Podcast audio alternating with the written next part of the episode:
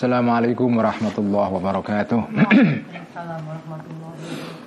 Bismillahirrahmanirrahim. Alhamdulillahi rabbil alamin wassalatu wassalamu ala asyrafil anbiya'i wal mursalin sayyidina wa habibina wa maulana wa qurrati a'yunina wa ala alihi wa ashabihi wa man tabi'ahum bi ihsanin ila yaumiddin.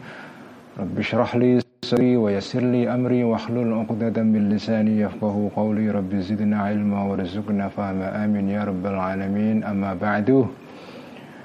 Mari kita mulai ngaji kita dengan menghadiahkan Al-Fatihah ila Muhammadin sallallahu alaihi wasallam ila arwahil wal mursalin wa ali wal ashabi وإلى أرواح الأولياء والشهداء والصالحين والأئمة المجتهدين والعلماء الصالحين والمؤلفين والمصنفين خصوصا إلى روح رضوان الأولياء الشيخ عبد القادر الجيلاني وخصوصا إلى روح سيد الطائفة الإمام الجنيد البغدادي وإلى روح حجة الإسلام أبي حامد الغزالي وإلى روح الشيخ الأكبر محي الدين ابن عربي وإلى أرواح أولياء الله تعالى أصحاب الطرق المعتبرة وإلى أرواح ولي صنع في أرض جاوة. قدس الله أسرارهم ونور ضرائحهم وعدل بركاتهم ونفعنا بعلومهم وإلى أرواح علمائنا مؤسسي جمعية نهضة العلماء والجمعيات الإسلامية الأخرى ونخص خصوصا روح حضرة الشيخ هاشم أشعري. وروحي Khalil Bangkalan وروحي كي عبد الوهاب حسب الله وإلى روحي كي بشي سنسوري وإلى روحي كي أساس مسؤول العارفين وإلى روحي كي معصوم كي علي معصوم وإلى روحي كي عبد الرحمن واحد كي صلاح الدين واحد كي يوسف حاسم غفر الله ذنوبهم وستر عيوبهم ويعلي درجاتهم إلى أرواح آبائنا وأمهاتنا أجدادنا وجداتنا ومشايخنا ومشايخ مشايخنا وإلى أرواح أصدقائنا لهم جميعا الفاتحة. أعوذ بالله من الشيطان الرجيم. بسم الله الرحمن الرحيم. الحمد لله رب العالمين. الرحمن الرحيم. مالك يوم إياك نعبد وإياك نستعين. اهدنا الصراط المستقيم. صراط الذين أنعمت عليهم غير المغضوب عليهم ولا الضالين. آمين. قال المؤلف رحمه الله تعالى ونفعنا به وبعلمه في الدارين. آمين. ربي وعين Kitab Mishkatul Anwar halaman 53 Ini teman-teman sesudah libur satu malam insya Allah seger lagi ya. Mari kita mulai uh, agak sedikit berpusing-pusing lagi membaca kitab Mishkatul Anwar ya. Jadi kita masih berbicara mengenai soal cahaya. Jadi ini memang kitab mengenai ajaran tentang cahaya, filsafat cahaya ya. Daqiqatun ay hadhihi daqiqatun. Ini adalah keterangan yang sangat lembut ya Al-anwarus samawiyatu allati tuqtabasu minhal anwarul ardiyatu in kana laha tartibun bihaitsu yuqtasu ba'daha min ba'din fal aqrabu minal manba'il awwali awla bismin nuri li'annahu a'la rutbatan. Al anwarus samawiyatu cahaya-cahaya langit ya allati tuqtabasu yang diambil Minha dari anwar Al anwarul ardiyatu Cahaya-cahaya bumi. Ingkana jika ada laha, laha bagi anwar samawiyah Tartibun urut-urutan Tingkatan-tingkatan Hierarki ya. Bihaithu yuktabasu sekiranya diambil ba'duha sebagian dari anwar samawiyah Min ba'din dari setengah yang lain Maka fal akrabu Maka cahaya yang paling dekat minal mamba'il awwali dari sumber yang pertama. Aula lebih utama bismin nuri dengan nama cahaya. Li'annahu karena sesungguhnya al-akrab A'la lebih tinggi rutbatan apane di tamyiz apane itu ya. Yaitu rutbatan tingkatannya. Wa mithalu tertibihi Dan contohnya urut-urutannya atau tingkatannya al-akrab tadi fi alam syahadati di dalam alam nampak. La tudriku tidak bisa mengetahui engkau hu kepada tertib illa bi an yufrada kecuali dengan mengandaikan atau diandaikan. Daul qamari cahaya rembulan. Dakhilan masuk ya. Dakhilan uh, masuk ya, uh, fi kawati baitin atau fi kuwati baitin. Bisa dibaca kuwah bisa dibaca kawah ya. Kuwah atau kawah itu artinya adalah lubang yang ada di tembok. Yang dari lubang itu kemudian cahaya dari luar itu masuk itu. Kawah atau kuwah. Apa namanya ya? Kalau apa apa itu? Kalau di atas di atas em, apa itu jendela. Biasanya kan di atasnya ada bolong-bolong gitu loh. Apa namanya apa ya. Eh, bukan ya. Di atas pintu kita nah, biasanya ada bolongan-bolongan untuk lewat udara itu ya. Bolongan di tembok itu seperti itu. Apa namanya? Ini istilah pertukangan itu ya. Apa ya? Apa ya? Ada yang tahu nggak teman-teman ya? Pokoknya bolongan yang di atas jendela atau pintu yang untuk eh, apa mengalirkan udara dan seterusnya Eh, itu namanya kuwah atau kawah ya kita ngerti artinya tapi tidak tahu Ventilasi. iya ventilasi bilang rooster. Rooster mungkin iya, tapi itu kan bahasa Inggris ya. Bahasa Indonesia apa itu? Ehm, bukan rooster, loster. Ka- roster kalau itu bahasa Belanda kayaknya itu. Ya, roster itu ada rosternya itu. ada. Ya itulah, itu kuah ya. Mas Aho bocannya akhirnya. Angin-angin. Angin-angin omah. Eh, Wakian jatuh ya. Ala miratin Jadi cahaya masuk ke rumah lewat bolongan itu Kemudian jatuh terrefleksikan ala miratin atas cermin Mansubatin yang dipasang ala haitin di atas tembok Wamun akisan dan kemudian setelah jatuh ke tembok eh, cahaya ini wamun akisan dan ter- eh, terrefleksikan, terpancarkan minha dari mir'ah tadi ila haitin kepada tembok akhara yang lain. Jadi dari dari cermin satu di, di, direfleksikan, di apa ya, alirkan ke tembok yang lain. Fi muqabalatiha di dalam atau di depannya mir'ah tadi. Kemudian setelah eh, apa terrefleksikan ke tembok cahaya ini thumma munatifan, kemudian belok, kemudian mengalami apa ya refraksi atau eh, belok ya. Nur tadi minhu dari haid ilar ardi kepada bumi kepada tanah ya. Bihaitsu tastaniru sekiranya menjadi bercahaya al ardu bumi. Fa'anta maka kesimpulannya fa'anta maka engkau ta'alamu akan tahu engkau annama alal ardi sesungguhnya sesuatu yang ada di atas bumi minan nuri berupa cahaya itu tabiun ikut ya, mengikuti lima kepada sesuatu kepada cahaya alal ahiti alal haiti yang ada di itu Wama alal haiti dan cahaya yang di atas tembok tapi mengikut lima kepada cahaya alal mirati yang di atas cermin. Wama alal mirati dan cahaya yang di atas cermin tabiun ikut lima kepada cahaya fil qamari yang ada di rembulan di bulan di atas itu. Wama fil qamari dan cahaya yang ada di rembulan itu sumbernya tabiun mengikut lima kepada cahaya fisyamsi yang ada di matahari. Idminha karena dari matahari lah yushriku bersinar ber ya atau bersinar anuru cahaya alal qamari atas atas rembulan karena rembulan itu tidak bisa bercahaya sumber cahaya rembulan dari matahari dirinya sendiri rembulan itu tidak bercahaya.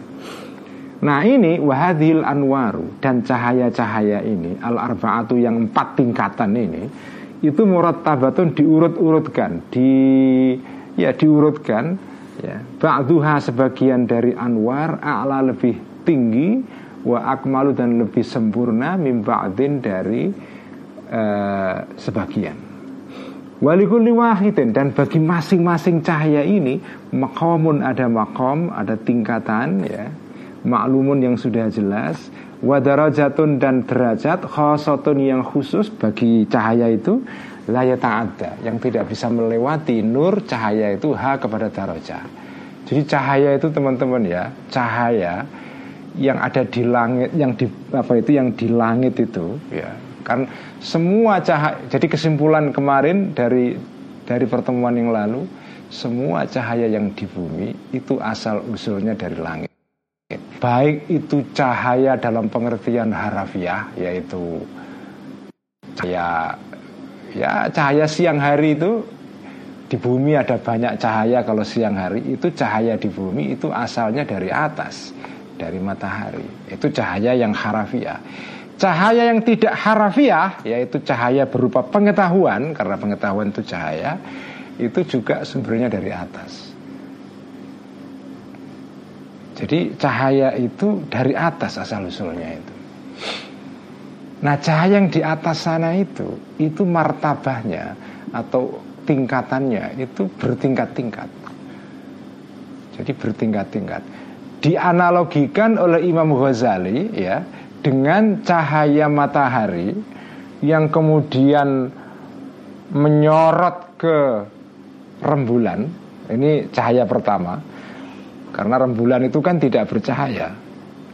Jadi apa? Ini matahari, ini rembulan ya Matahari ini yang bersinar. Inilah yang benda yang bercahaya secara hakiki ya.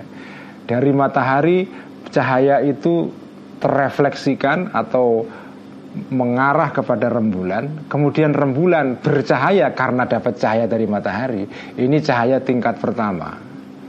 Tingkat kedua, di rembulan cahaya ini masuk ke bumi, tapi ini mengandaikan kalau malam hari ya, kalau siang hari ya lain lagi. Tapi ini berbicara tentang cahaya pada pada malam hari. Jadi dari rembulan kemudian jatuh ke bumi. Jatuh ke bumi itu masuk ke tembok rumah kita melalui lubang, melalui loster tadi itu ya. Melalui lubang masuk ke tembok ya. Dari tembok ini cahaya kedua ya, cahaya tingkat kedua. Dari tembok kemudian terrefleksikan, terpantulkan ke cermin. Jadi ada cermin yang ada di depannya tembok kemudian cahaya yang dari rembulan yang terpantul ke tembok itu terpantul kemudian ke ke cermin, ke kaca.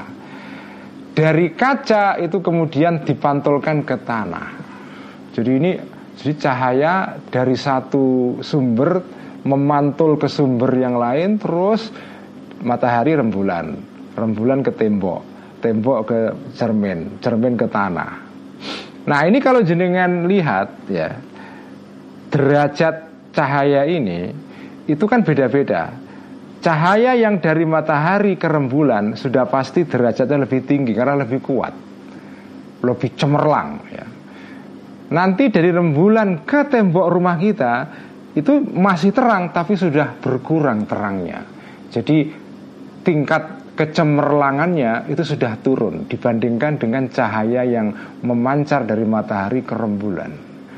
Nanti yang dari tembok ke cermin itu juga kecemerlangannya apa tingkat sinarnya itu juga sudah mulai berkurang. Nanti yang dari cermin ke tanah juga begitu. Jadi cahaya itu bertingkat-tingkat ya. Cahaya tingkat pertama itu lebih kuat ya karena dia dekat dengan sumbernya. Itu tadi yang artinya fal akrabu minal mamba'il awal aula bismin nuri. Jadi cahaya yang ada di rembulan itu lebih berhak disebut cahaya daripada cahaya yang ada di bawahnya karena apa? Lebih kuat itu. Tentu saja cahaya yang ada di matahari itu lebih berhak disebut dengan cahaya karena dia sumber cahaya. Nanti cahaya yang dari matahari memantul ke rembulan juga cahaya cuma derajatnya lebih rendah. Dibanding dengan cahaya matahari cahaya rembulan itu lebih rendah. Jadi cahaya matahari lebih berhak disebut dengan cahaya daripada cahaya rembulan karena lebih kuat. Nanti cahaya dari rembulan yang memantul ke tembok rumah kita melalui celah itu kuah ya. Kuah itu bukan kuah kuah sop atau apa bukan itu. Ini kuah artinya lubang, celah di dalam tembok kita. Nah, cahaya yang memantul ke tembok dari celah ini itu tentu lebih rendah tingkat kecemerlangannya daripada cahaya yang ada di rembulan.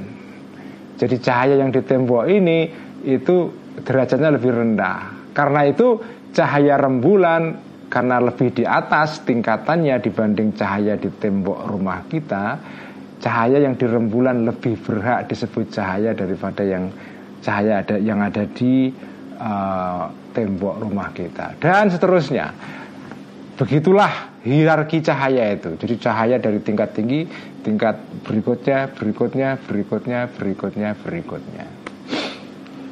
Maknanya apa begini? Maknanya itu bahwa ini kalau di dalam di dalam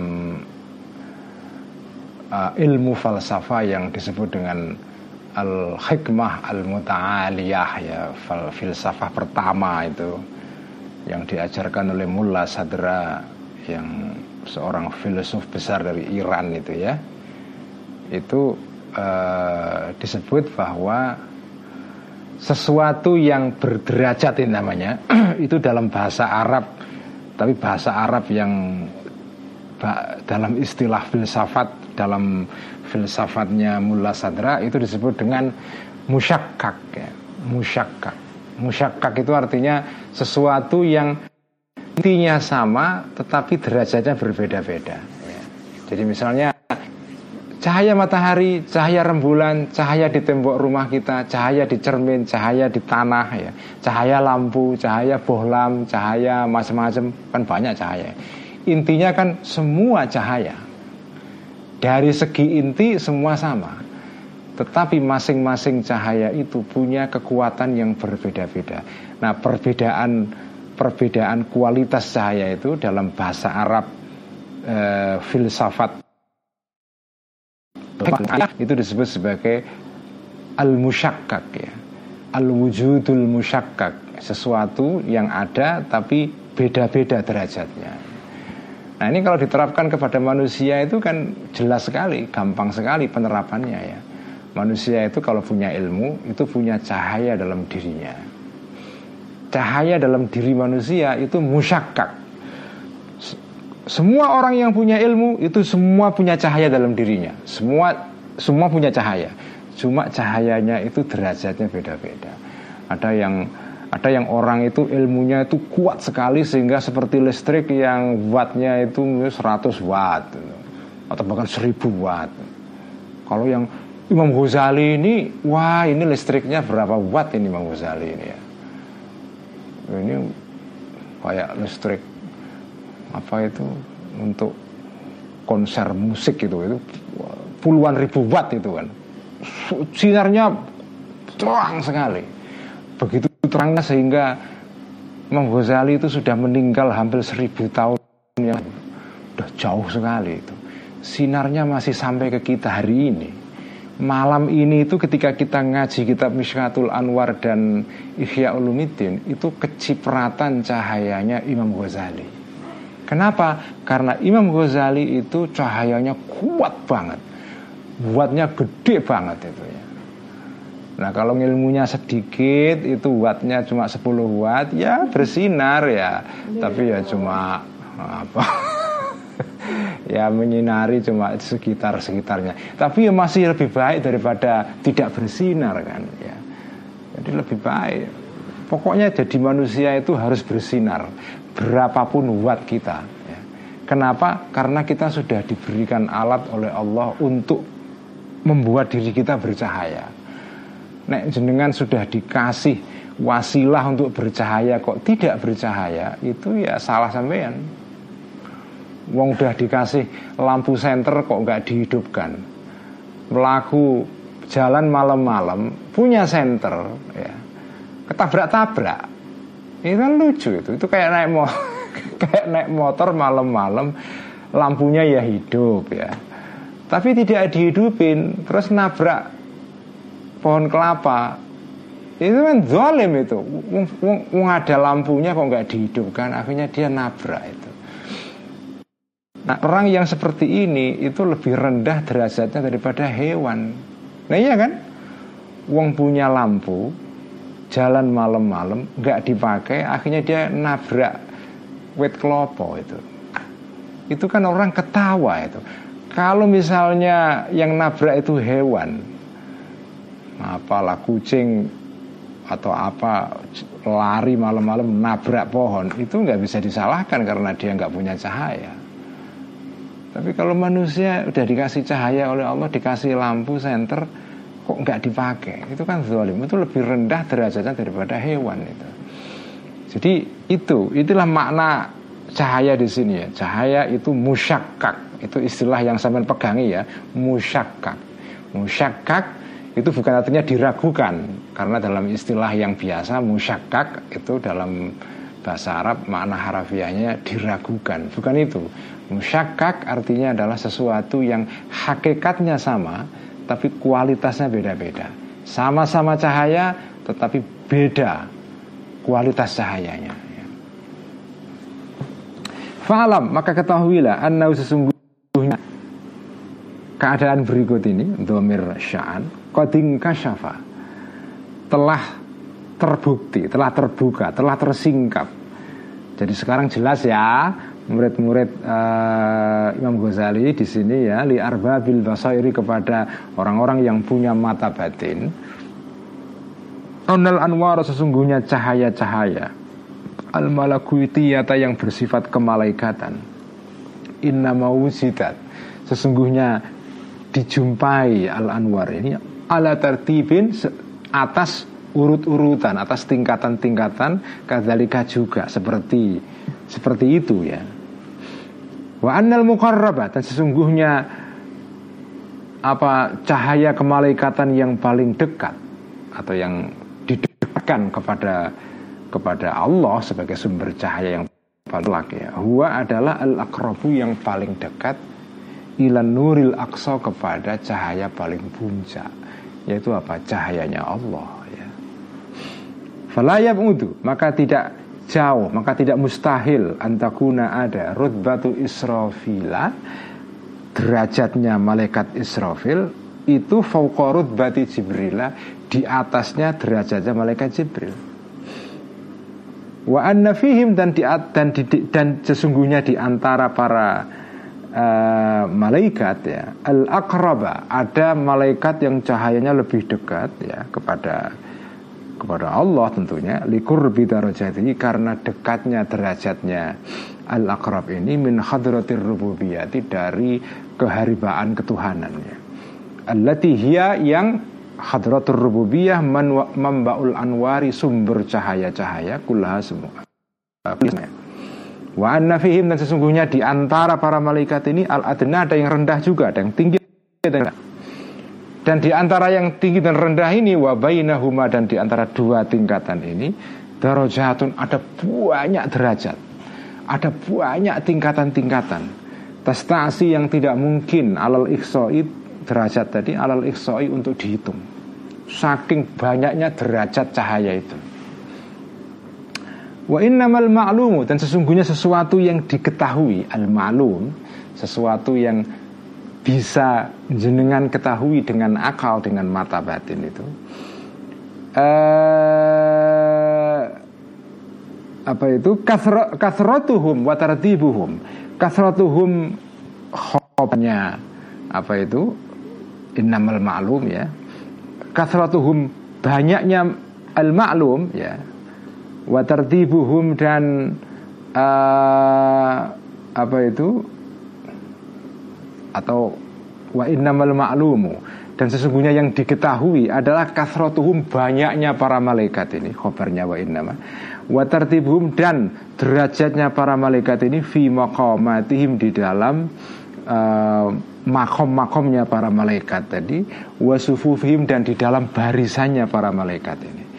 Wa annahum dan sesungguhnya para malaikat ini kama wasofu sebagaimana namati para malaikat bi dengan ma anfusahum kepada diri mereka idqalu ketika mereka berkata para malaikat ini uh, seperti dikisahkan dalam Al-Qur'an wa inna lanahnu safuna wa inna lanahnul musabbihun wa inna dan sesungguhnya kami para malaikat-malaikat ini lanahnu uh, sesungguhnya apa kami ini adalah asofuna orang-orang yang berbaris di hadapan Allah dengan derajat yang bertingkat-tingkat dan tingkatannya ini banyak sekali sehingga susah dihitung ya.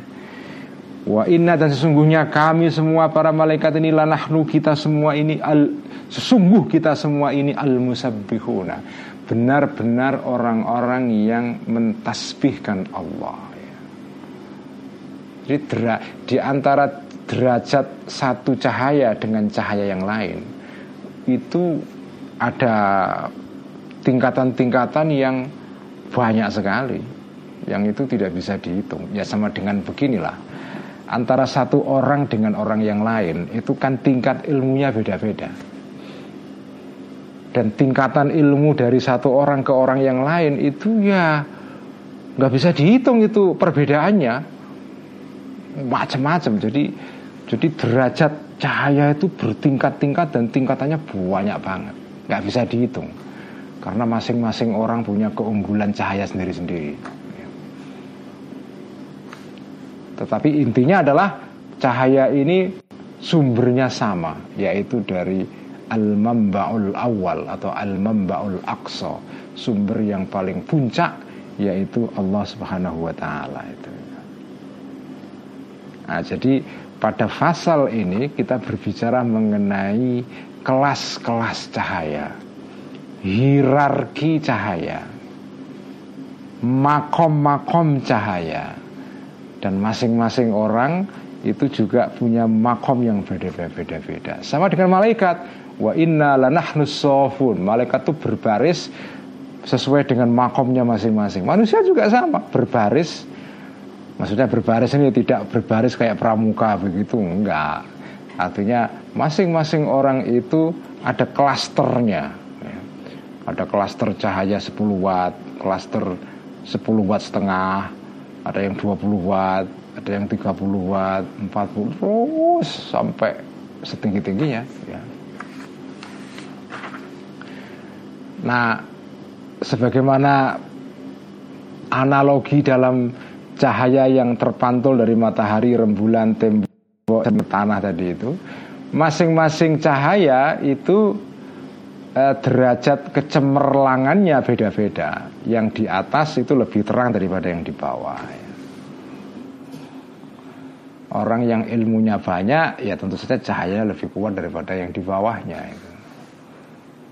Dan seterusnya. Daqiqatun ini hadhihi daqiqatun. Inilah masalah yang sangat detail ya. Idza arafta Ketika mengetahui engkau annal anwar sesungguhnya cahaya-cahaya laha bagi anwar tertibun ada hierarkinya. Fa'lam maka ketahuilah nah ini annahu sesungguhnya tertib ini la yatasal-salu tidak akan terus uh, mengalami regresi atau bersilsilah bersambung-sambung ila ghairi nihayatin kepada tanpa batas. Ada batasnya. Ya cahaya itu memang yang satu lebih tinggi daripada yang lain. Terus terus. Tapi tetap walaupun dia itu bersambung menyambung ya. Cahaya satu cahaya dua cahaya tiga cahaya empat. Terus itu. Bukan berarti kalau begitu itu terus tasalnya sambung menyambung nggak ada ujungnya ya. Uh, ad infinitum itu bahasa latinnya itu. Nggak ada ujungnya. Bukan begitu Cahaya walaupun sambung menyambung Derajatnya itu banyak sambung menyambung Bukan berarti dia tanpa batas Ada batasnya. Balyar taki Sebaliknya naik cahaya ini ila membain kepada sumber awalin yang pertama. Hua yang sumber pertama ini adalah An-nuru wa bidhatihi Ini istilah penting sekali ini. Ini, ini istilah filsafat ini. Ya Filsafat ala Ibnu Sina ini adalah cahaya, an-nuru cahaya lidhati yang karena dirinya sendiri. Artinya apa? Dia um, apa itu? Uh, dia bercahaya dari dalam dirinya sendiri. Jadi dia bercahaya bukan karena disebabkan oleh cahaya lain ya. Seperti rembulan itu itu kan bercahaya karena ada cahaya matahari. Itu itu tidak disebut sebagai an-nur lidzatihi. Dia an-nur li ya dia bercahaya karena ada sesuatu yang lain yang membuat dia bercahaya. Itu namanya an-nurul li. Tetapi kalau ini ini an-nurul li dzatihi. Wa dan dengan dirinya sendiri. Artinya dia tidak apa ya? Um, dia dia cukup dengan dirinya sendiri ya. Dengan cahaya pada dirinya sendiri itu sudah cukup ya. Enggak perlu tambahan dari cahaya yang lain. Laisa ya'tihi tidak datang kepada nur yang ini, nur yang pertama ini nurun cahaya min ghairihi dari selain cahaya ini. Jadi cahaya matahari itu ya menjadi sumber cahayanya rembulan. Cahaya rembulan menjadi sumber cahaya yang ada di, ada di bumi ini ya kalau malam hari ya. Nah, cahaya rembulan, cahaya di mata di dalam bumi ini pada saat malam hari itu bukan cahaya yang lidati tapi li dan juga bukan bidati tapi bighairihi karena karena dia uh, butuh yang lain. Matahari itu adalah sesuatu yang bercahaya uh, apa dari dirinya sendiri ya dan tidak butuh yang lain, tetapi matahari itu tetap cahayanya tentu tidak datang dari dirinya sendiri karena dia makhluk ya memang matahari itu dibanding terhadap rembulan itu cahayanya memang cahaya yang masuk dalam kategori li ghairihi wa bi ghairihi. Tetapi matahari itu tentu karena dia makhluk untuk dia ada membutuhkan orang yang mengadakan dia, yang menciptakan dia yaitu Allah itu. Karena itu cahaya matahari tidak bisa secara hakiki disebut sebagai cahaya yang lidatihi wabidatihi ya. tidak bisa cahaya yang lidatihi wabidatihi itu ya Allah subhanahu wa ta'ala cahaya yang berupa Allah subhanahu wa ta'ala itu betul-betul cahaya yang bercahaya karena dirinya sendiri dan tidak butuh tambahan cahaya dari yang sumber-sumber yang lain karena apa ya karena ini cahaya yang paling sempurna ya Wa minhu dan dari cahaya ini, cahaya yang pertama ini tusyriku bercahaya al anwaru semua cahaya-cahaya kulluha semuanya ala tartibiyah sesuai dengan urut-urutannya cahaya tadi itu. Nah, sekarang fandur maka renungkan ana saat ini. Ismun nuri nama cahaya itu ahakku lebih berhak wa aula dan lebih utama bil mustaniri dengan sesuatu yang bercahaya, bersinar. Tetapi al-musta'iri yang meminjam nurahu sinarnya al-mustanir min ghairihi dari selain al-mustanir ya. Jadi nama cahaya itu lebih berhak diberikan kepada sesuatu yang bercahaya tapi cahayanya dipinjam dari sumber yang lain seperti rembulan. Rembulan itu meminjam cahayanya dari matahari. Apakah rembulan cahaya rembulan berhak disebut sebagai cahaya yang benar-beneran sungguh-sungguh cahaya? Atau cahaya itu lebih berhak di nama cahaya diberikan kepada Aubin Nayiri atau terhadap sesuatu yang bercahaya pada dirinya sendiri ya. Jadi ada An-Nayir, ada Al-Mustanir. Jadi kalau Al-Mustanir itu sesuatu yang bercahaya tapi mengambil cahayanya dari yang lain. Tapi kalau anayir itu sesuatu yang bercahaya dari dirinya sendiri. Nah, kalau jenengan disuruh menyebut itu cahaya itu nama cahaya lebih berhak diberikan kepada al-mustanir atau an-nayir ya. Bin nayiri atau sesuatu yang bercahaya fidati di dalam dirinya an-nayir juga al-muniri yang mencahayai likul lima kepada semua sesuatu siwahu yang selain an-nayir ya. ya jelas yang berhak disebut cahaya yang sesungguhnya ya cahaya yang ada pada an-nayir itu sesuatu yang bercahaya karena dirinya sendiri bukan karena pinjam dari yang lain ya kalau mau dibuat analogi itu kalau ada dua orang yang satu punya mobil BPKB-nya atas nama dia sendiri. Ada orang kedua, ada mobil di rumahnya tapi pinjaman. Atau punya mobil tapi masih kreditan, masih nyicil, belum selesai cicilannya itu. Ya BPKB-nya sih sudah atas nama dia, tapi cicilannya belum selesai, masih kurang empat tahun atau tiga tahun ya. Nah ini orang yang punya mobil dan sudah selesai cicilannya BPKB-nya atas nama dia sendiri. Ini layak disebut yang layak disebut pemilik mobil ini yang pertama dan sudah nggak punya cicilan atau yang punya mobil tapi punya masih punya cicilan. Mana di antara dua ini yang paling berhak disebut pemilik mobil itu? Ya jelas yang pertama, ya kan. Ini dia dia adalah owner beneran, pemilik beneran. Yang kedua ini ya pemilik yang KW lah ya, karena belum selesai cicilannya. Jadi ada derajat ada derajat yang berbeda itu. Nah ini jenengan kalau mau pakai ilmunya Al Ghazali itu jenengan pakai dalam semua keadaan itu bisa. Ini sekaligus untuk membuat apa ya kita ini lebih lebih reflektif gitu. Misalnya tadi kasus kita tadi kami punya mobil ya. Misalnya contoh yang lain. Contoh yang lain. Ada orang yang kuliah di perguruan tinggi jadi ada ada ada dua mahasiswa ya ada dua mahasiswa sama-sama belajar ilmu antropologi. Ilmu antropologi. Sama dua-duanya sama. Semesternya juga sama. Cuma yang satu ini belajar antropologi di perguruan tinggi yang bergengsi. Yang satunya belajar antropologi di semester yang sama tapi di perguruan tinggi yang kelasnya di bawahnya.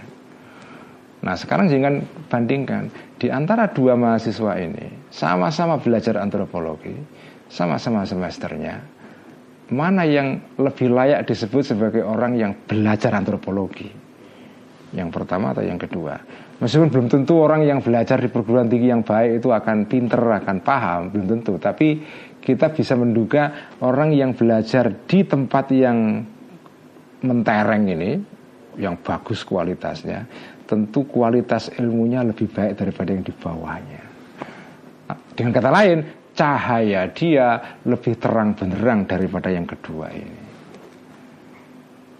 Ada dua warung, sama-sama jual bakso. Ya, ada dua warung, sama-sama jual bakso. Yang satu itu warungnya itu sudah berdiri dari tahun 50-an. Lama, sudah misur ke mana-mana itu. Yang kedua ini penjual bakso yang baru lahir kemarin sore. Ya. Kemarin sore. Ya sama-sama enaknya, sama-sama enaknya.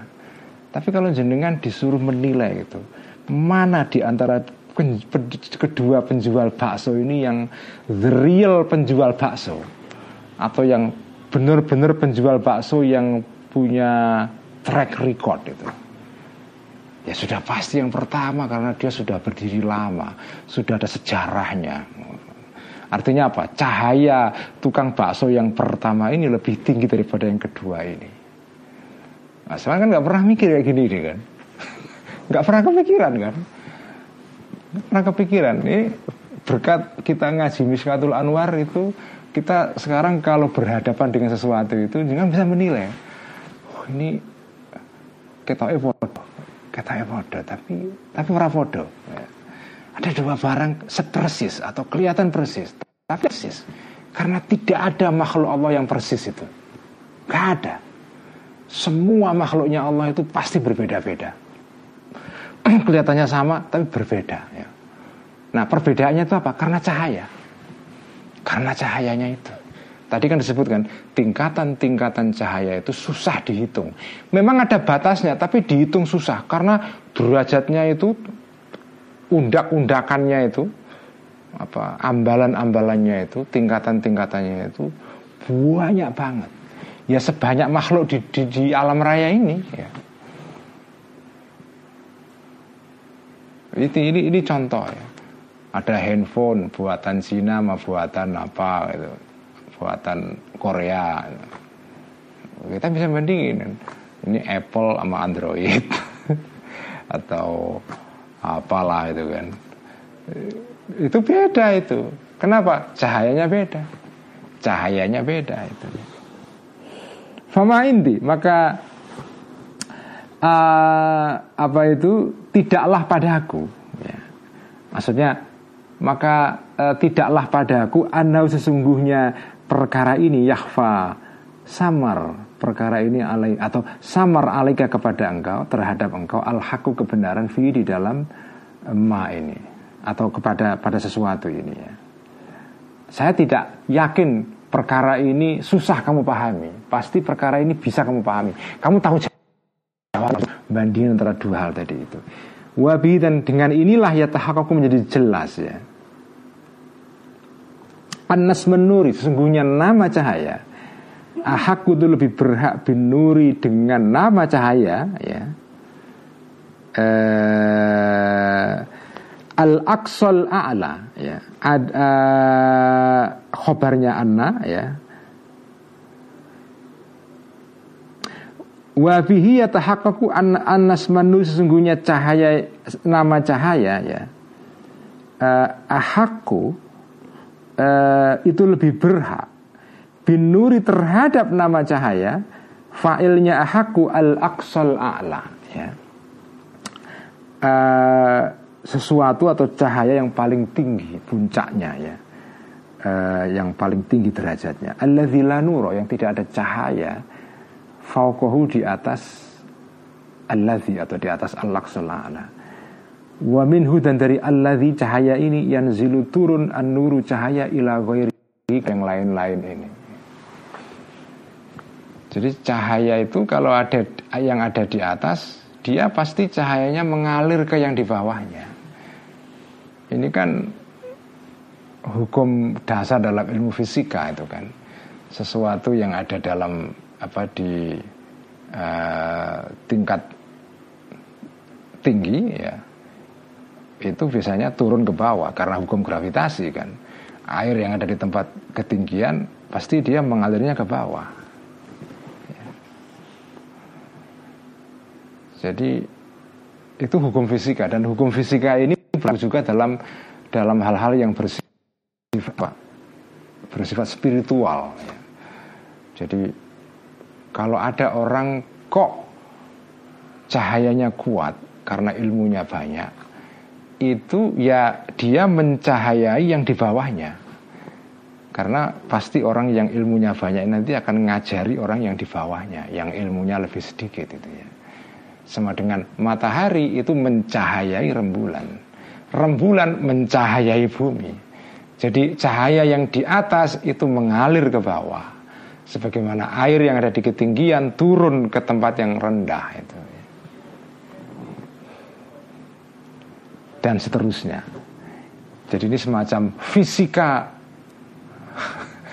apa fisika cahaya tapi bukan cahaya yang harafiah cahaya yang bersifat spiritual, cahaya rohani ya. ya ini fisika fisika cahaya rohani ini. Apa gunanya seperti ini? Gunanya adalah nanti di ujung kitab ini untuk memahami bahwa sumber dari segala cahaya itu adalah Allah Subhanahu wa taala bahwa kita semua ini berasal dari Allah dan akan kembali kepada Allah dan seterusnya. Jadi maksud dari dari Miskatul Anwar ini sebetulnya mengajak jenengan itu merenung ya. Dikasih alatnya ini berupa ini supaya nanti sampean itu sampai kepada pemahaman yang betul-betul mendalam ya bahwa yang jenengan anggap cahaya-cahaya itu di bumi ini itu bukan cahaya yang hakiki semua itu sumbernya dari sesuatu yang hakiki yang ada di atas dan itu adalah Allah Subhanahu wa taala. Cahaya Allah itu memancar ke, ke bawah dan sesuai dengan derajat-derajat yang berbeda-beda. Sekian ngaji Mishkatul Anwar wallahu a'lam bissawab. بسم الله الرحمن الرحيم الحمد لله رب العالمين والصلاة والسلام على أشرف الأنبياء والمرسلين سيدنا وحبيبنا ومولانا وقرة أعيننا محمد وعلى آله وأصحابه أجمعين أما بعد فقال المؤلف رحمه الله تعالى ونفعنا به وبعلومه في الدارين آمين ربي يسر وأعين Kitab Ihya halaman 1041 ya. Kita masih ngomongin soal hibah ini ya. Ngomongin soal hibah ya.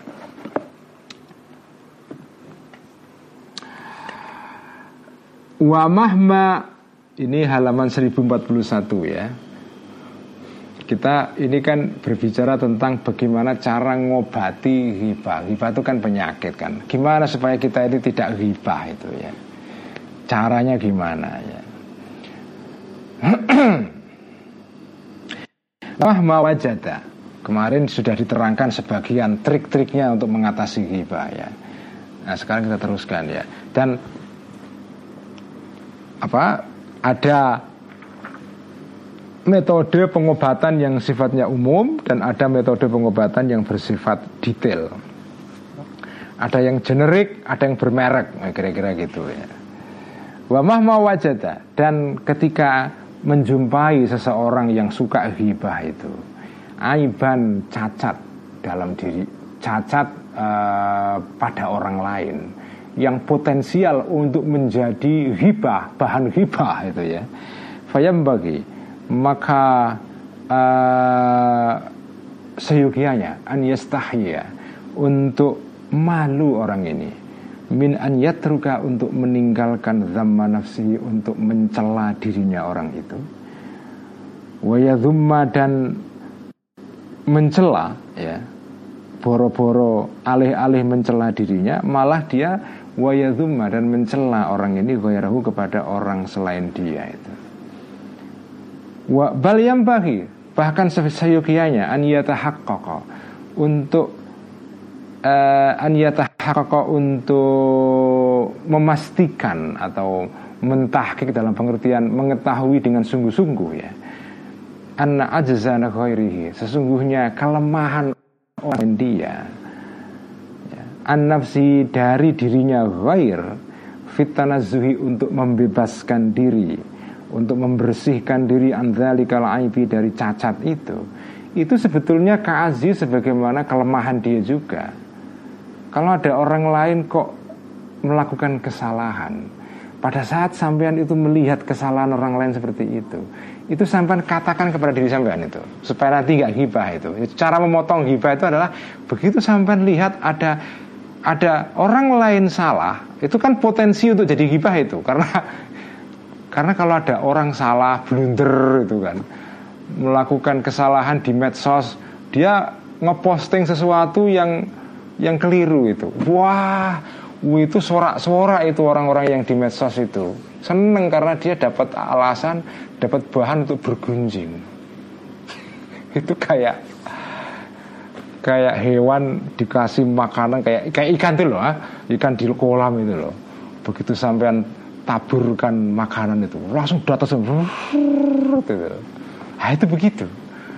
Kalau ada orang bersalah itu di medsos itu langsung orang-orang ini netizen ini kayak ikan itu langsung menyerbu ini wah yang paling pertama kasih komentar dan viral wah bangga dia.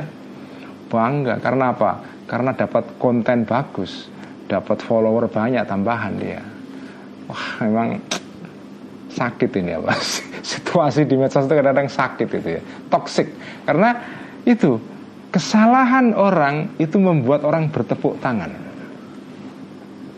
Seneng itu. Meskipun kelihatannya orang itu kalau ada orang berbuat salah itu kayaknya uh, maidu gitu ya kritik atau marah-marah ya. Sebetulnya kalau mau diusut-usut sebenarnya dia seneng. Karena ada alasan dia untuk komentar. Dan komentarnya nyelekit. Makin nyelekit makin memuaskan orang itu. Ini kan aneh kan? Psikologi manusia ini aneh itu. Orang itu marah kalau ada orang lain berbuat salah. Tapi sebetulnya kalau mau diusut-usut sebetulnya orang yang marah ini itu pada dasarnya seneng. Karena dia dapat kesempatan gara-gara orang lain berbuat salah untuk berkomentar.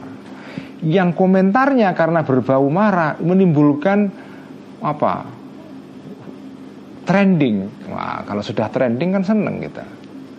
Trending. Kata kuncinya itu trending gitu loh nah kalau sampai menghadapi situasi itu langsung putus itu dengan mengatakan ini ilmunya Al Ghazali ini katakan kalau orang lain salah blunder terus kamu kepingin nimpui orang itu dengan komentar-komentar yang nyelekit itu. Segera katakan kepada diri kamu. Kalau kau orang lain salah, sebetulnya kelemahan orang lain itu juga ada pada diri kamu. Artinya apa? Suatu saat kamu juga bisa terjatuh kepada kesalahan seperti itu, terus ditimpui orang lain juga.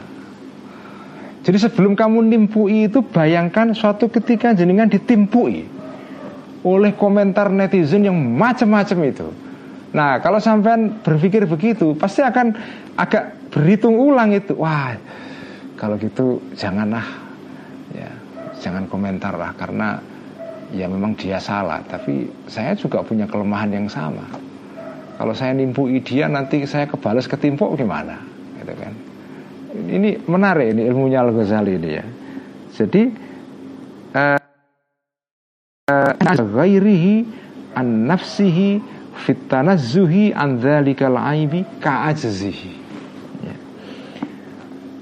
Wahada dan ini ingkana jika ada zalika kesalahan tadi itu aiban kesalahan ya ta'allaku yang berkaitan. Kesalahan ini bifili dengan tindakan tindakan sadarnya orang bersangkutan waktiarihi dan kebebasannya orang bersangkutan. Ini kalau terkait dengan tindakan yang memang itu merupakan tindakan yang sadar dilakukan orang bersangkutan. Misalnya orang dengan sadar misalnya nge-tweet sesuatu yang itu blunder salah kan? Kan sadar dia ketika melakukan apa tindakan itu nge-tweet itu. Nah karena salah sampean terus tergoda untuk ngebully orang itu.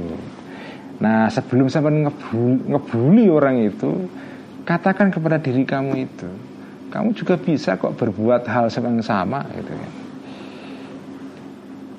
Wa ingkana jika ada kesalahan ini atau kecacat itu amron sesuatu khalqiyan.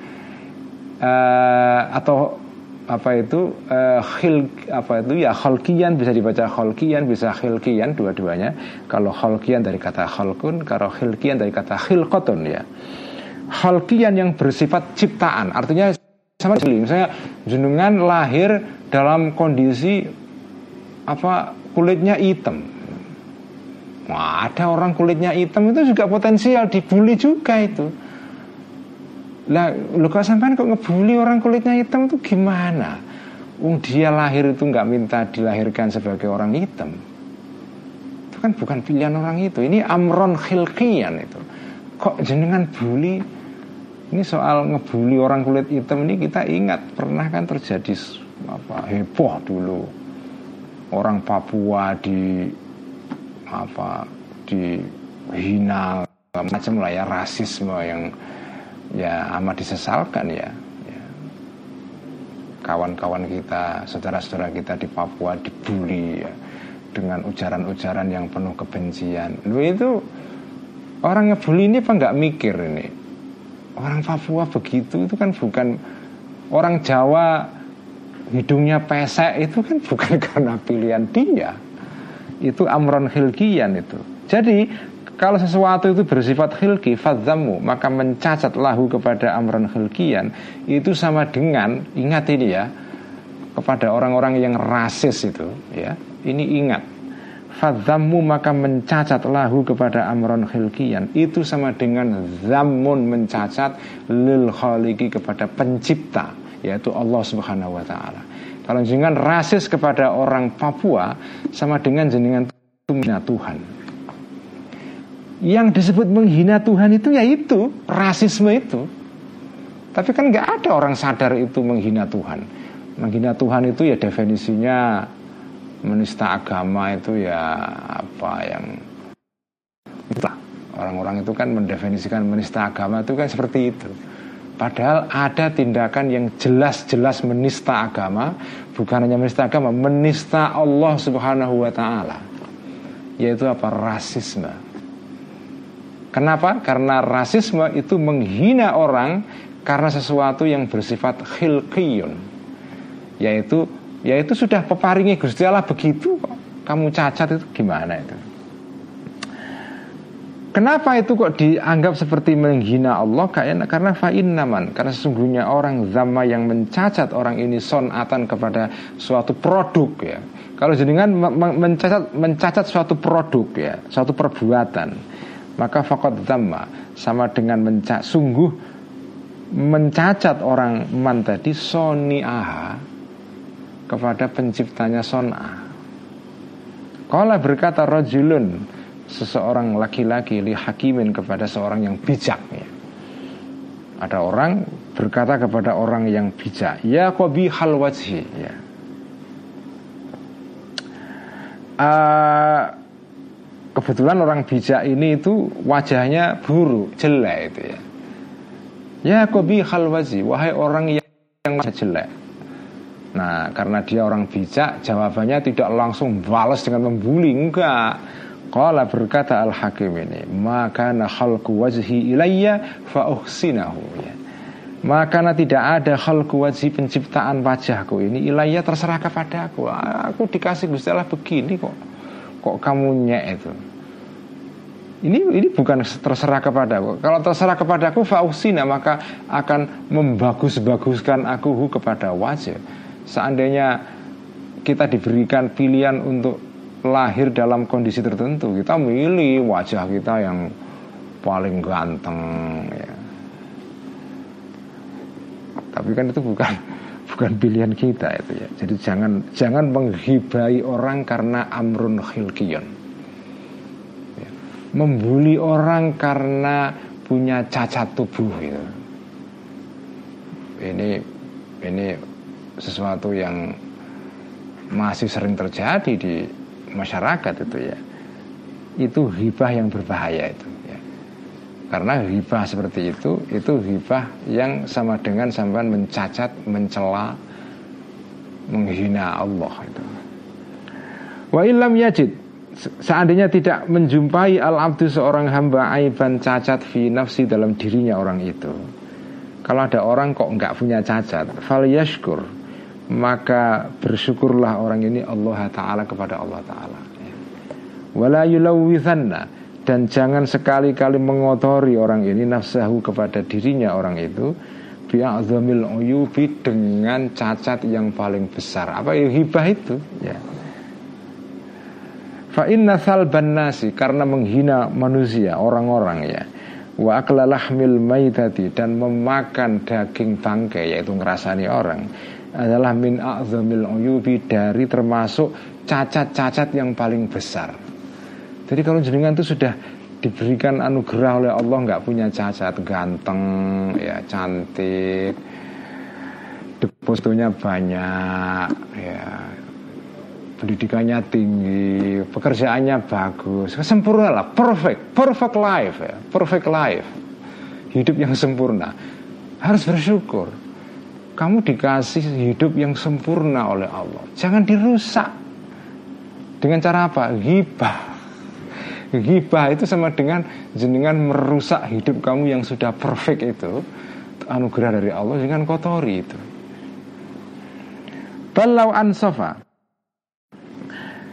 Bahkan sebaliknya kalau sadar orang ini ya, la alima akan tahu orang itu an Sesungguhnya sangkaan orang bersangkutan binafsi terhadap dirinya orang itu Bahwa annahu sesungguhnya orang itu bariun bebas mingkuli aibin dari segala cacat. Kalaupun ada orang kok merasa dirinya perfect ya, sempurna itu janjinya ya keterlaluan. Karena kan gak ada orang perfect itu. Sebetulnya orang kalau merasa sempurna itu adalah jahlun kebodohan binafsi terhadap dirinya orang itu Nah, orang kok merasa dirinya tegi gitu ya, Pak tegi itu keren apa ya sempurna. Itu janjinya bodoh orang itu. Kenapa? Nggak ada orang sempurna. Dan merasa sempurna itu ya, merasa sempurna itu lu jenengan ngerasani orang itu kan sebetulnya subteksnya artinya asumsi di bawahnya itu kan jenengan ngerasani orang itu kan sampean lebih baik daripada orang yang dengan rasani ya kan? Kalau sama-sama jelek kok ngerasani gimana? Ada orang sama-sama pesek hidungnya. Kok ngerasani orang yang pesek? Orang itu hidungnya kok pesek. Belum dia sendiri pesek kok. Nyek orang lain pesek itu Ketemu pirang perkara itu. Ya, Lucu itu. Itu sama. Kalau ada orang merasa dirinya sempurna Itu bodoh ya. Bodoh itu. Itu sama dengan orang pesek ngerasani orang pesek ya. Tidak tahu diri itu. Karena orang ketika jangan ngerasa nih orang kok pesek gitu itu kan asumsinya jenengan tuh ganteng hidungnya apa itu manjung kayak gitulah. Itu kan gitu. Pantas-pantasnya kan gitu. Kalau sesama pesek ngapain? Ngapain kok kok hibai orang yang lain yang sesama-sama pesek itu ya Nah karena itulah merasa diri sempurna kemudian hibai orang lain wahwa dan ini tindakan seperti itu itu min a'zamil uyubi termasuk cacat yang paling besar.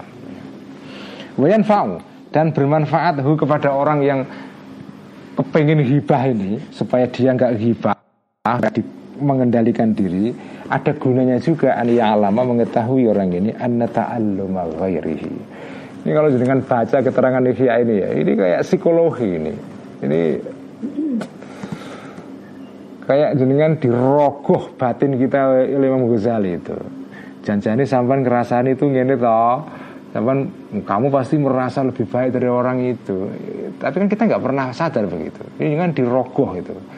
Batin kita dirogoh atau di diodal adil dibongkar oleh Imam Ghazali ini dibongkar, ditampar itu. Ini kita sedang mengalami proses psikoanalisis ya, analisa kejiwaan. Jadi ada gunanya ania alama mengetahui orang yang kepingin hibah ini anna ta'alluma ghairi. Sesungguhnya sakit hatinya orang lain selain dia bihibati karena uh, hibahnya orang tersebut. Itu sebetulnya kata alumihi sebagaimana uh, sakitnya orang yang hibah ini ya bihibati ghairi terhadap atau karena hibahnya orang lain selain dia yang mau hibah ini lalu kepada dia dengan apa itu harus sadar ya. orang lain yang jenengan hibahi ya itu kan kalau dengar kan sakit ya itu sakit hatinya dia karena jenengan hibahi itu sama dengan sakit hatinya sampean kalau dihibai orang lain. Jadi sampean dihibai orang orang itu sakit. Itu bayangkan kalau sampean dihibai orang lain kira-kira gimana? Sama sakitnya gitu. Nah itu kalau jenengan punya kesadaran seperti itu agak sedikit kendor itu. Nah, serat untuk hibah itu akan gembos, akan gembos pelan-pelan itu.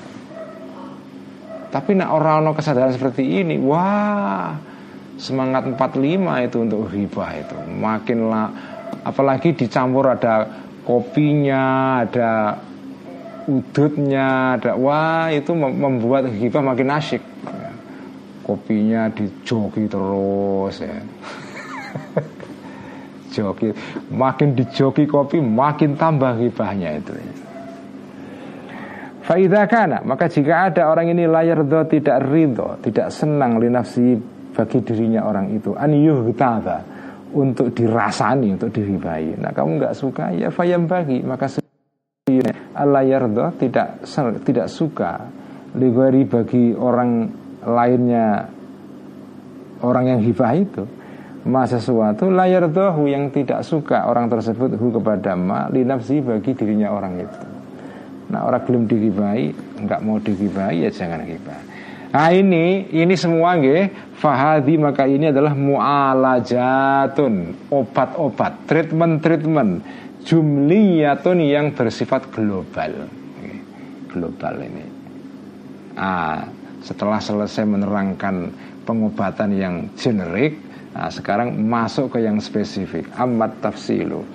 Anapun pengobatan yang bersifat detail. Nah ini di sini kita akan dianalisa lagi di dirogoh oleh Al Ghazali kita ini jiwa kita ini. Fahuwa maka adalah ini atafsil ini an untuk merenung melihat ya seseorang yang kepingin ghibah ini babi terhadap sebab al baithi yang mendorong sebab ini lahu kepada orang bersangkutan alal ghibati untuk ghibah coba lihat apa yang kira-kira mendorong sampai ghibah ya itu diteliti itu dianalisa diinvestigasi secara saksama dan dalam tempo yang sesingkat-singkatnya. Ya jangan singkat nanti nggak dapat renungan yang dalam gitu. Pokoknya secara saksama ya. Fa inna ilajal illati karena sesungguhnya ngobati penyakit itu adalah dengan cara bikot isababiyah dengan memutus sebabnya penyakit. Jangan hanya mengobati simptomnya, maksudnya permukaannya ke sebab yang terdalam. Waqad qaddamna dan telah menerangkan di bagian sebelumnya aku Al-Ghazali al-asbaba kepada sebab-sebab yang membuat orang itu hibah. Jadi terangkan kemarin kan. Ada 10 ada 10 Sebab kenapa orang hibah Tujuh hibah orang awam Tiga hibah para kiai Hibahnya orang-orang ahli ibadah itu ya. Nah pertama kan kemarin Al-Ghadab ya Amal ghadabu Sebab adapun Sebab yang mendorong hibah berupa Al-Ghadab marah dengan dengan disakiti orang lain marah kemudian sampai mau balas nggak berani akhirnya menumpahkan ke kekesalan dan balas dendamnya dengan cara apa? Hibah orang itu. Itu puas itu. Karena sampai bisa men men menjelek-jelekkan orang yang nyakiti sampai. Nah, itu ghadab ini. Nah, kalau sebabnya hibah itu ghadab, maka fayu aliju.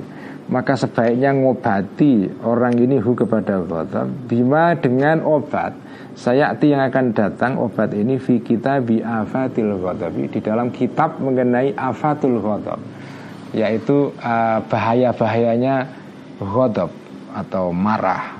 Itu nanti nanti setelah kitab ini kan kitab ini kitab kitab bu afatil lisan. Kitab tentang penyakit-penyakitnya mulut. Setelah ini nanti ada kitabul ghadab atau kitab afatil ghadab. Kitab penyakit-penyakit yang lahir karena kita apa marah itu.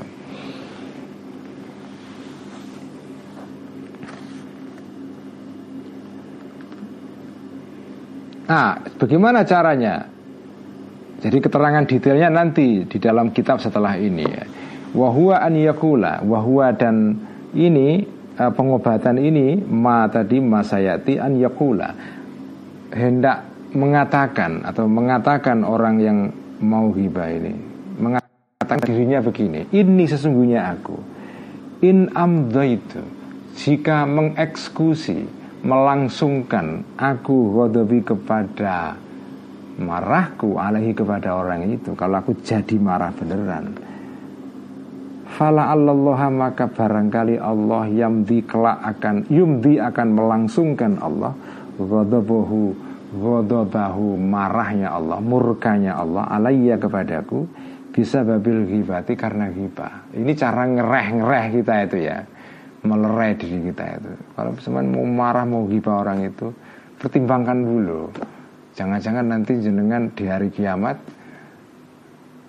akan mem, akan dimurkai oleh Allah karena ghibah ini. Nah, dengan berpikir begitu jangan akan sedikit berpikir ulang itu ya.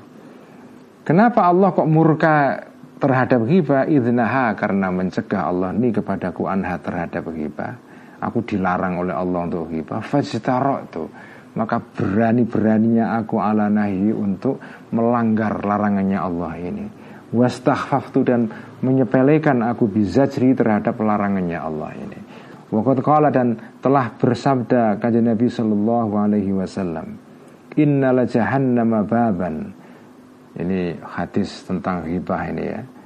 Inna la jahannama atau hadis mengenai murkanya Allah. Inna la jahannama sesungguhnya bagi neraka jahanam. Baban ada pintu. La yadkhulu yang tidak akan masuk minhu dari pintu itu masuk ke neraka maksudnya. Ilaman kecuali orang syafa yang memuaskan orang ini ghaibahu terhadap marahnya orang ini menumpahkan kekesalan dan balas dendamnya dengan cara bimaksiatillahi dengan maksiat kepada Allah Ta'ala Jadi itu ada pintu khusus bagi orang-orang yang balas dendam tapi dengan cara melakukan dosa Dengan marah kepada orang lain atau hibah pada orang itu Dengan dibully, balas bully Wah, tahu apalah Pokoknya jadi ada ada pintu khusus bagi orang-orang yang ingin membalas dendam dengan cara melakukan tindakan yang melanggar perintah Allah itu. Artinya apa? Balas dendam itu sebetulnya tidak ada masalah, tapi kalau sesuai dengan hukum moral dan etika itu. Misalnya ambil contoh kan dalam Islam itu ada namanya kisos ya. Jadi artinya dengan dilukai membalas melukai itu ya. Itu dibolehkan dalam Islam itu meskipun sebaiknya jenengan tidak membalas seperti itu. Mengampuni itu lebih baik. Tetapi kalau sampai nggak mampu sampai ke level itu, ya tidak apa-apa. Kalau level mengampuni itu kan level apa ya? Itu moral Gandhi itu kan. Gandhian uh, etik atau etika Gandhi. Artinya kalau sampai dilukai orang ya jangan balas ya. Ya di Islam ada juga begitu. Kalau sampai dilukai apa ampuni orang itu. Tapi kan Islam itu realistis, nggak semua orang bisa ke level itu. Kalau jenengan terpaksa mau balas dendam, ada jalan yang dibolehkan oleh agama. Ya. Tapi kalau jenengan membalas dendam dengan cara yang melanggar etika agama ini, ini ada jalur khusus, ada track khusus untuk orang-orang yang masuk ke neraka jahanam itu untuk orang-orang seperti ini. Ya. Waqala dan bersabda kajian Nabi Muhammad sallallahu alaihi wasallam, "Manittaqa rabbahu kalla lisanuhu wa lam yashfi ghaidhahu." Manittaqa barang siapa yang bertakwa orang ini rabbahu kepada dirinya orang eh, kepada pangerannya kepada Tuhannya orang ini kalla akan menjadi kelu menjadi apa ya menjadi terkendali lisanuhu lesannya orang ini Orang kalau bertakwa itu lesannya terkendali. Walam yashfi dan tidak akan terdorong untuk memuaskan, membalas dendamkan orang ini tahu kepada marahnya orang itu. Ya. Kalau di Kristen ada ajaran cintailah musuhmu. Ya. Nah itu ini sama ini orang yang bertakwa kepada Allah itu tidak kepingin balas dendam. Waqala dan bersabda kajian Nabi Shallallahu Alaihi Wasallam, man kadzama ghaidhan, man barang siapa kazoma yang mengendalikan orang ini ghaidhan kemarahan pada dirinya. Wahua jumlah haliyah dalam keadaan orang ini yaktiru kuasa ala an yumdia untuk mengeksekusi hu kepada marahnya ini maka da'a akan memanggil hu kepada orang ini Allahu Ta'ala yaumal kiamat pada hari kiamat ala ru'usil khalaiki di atas di depan para orang-orang ya hatta yukhayyira sehingga memberikan pilihan Allahu kepada orang ini fi ayil huri di terhadap bidadari mana sya'a menghendaki orang ini ya. Sekian ngaji Ihya malam ini kita teruskan besok malam wallahu alam bisawab. Allahumma salli ala sayyidina محمد طب القلوب ودوائها وعافية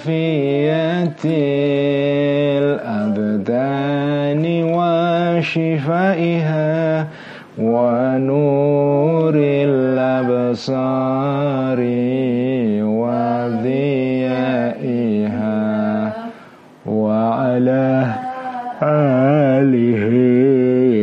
وصحبه وسلم.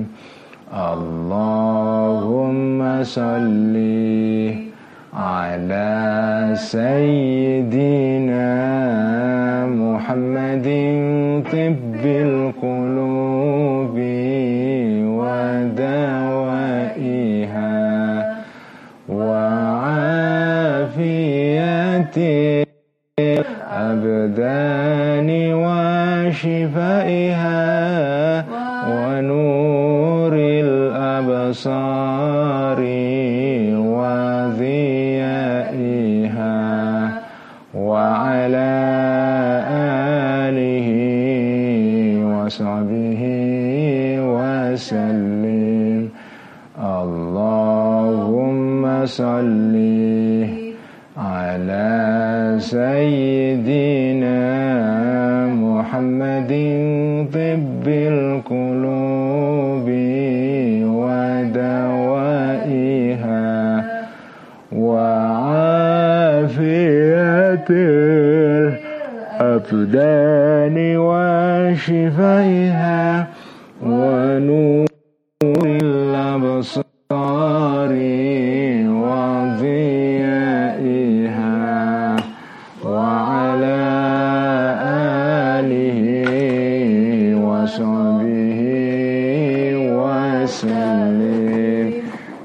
wassalamualaikum warahmatullahi wabarakatuh. Waalaikumsalam.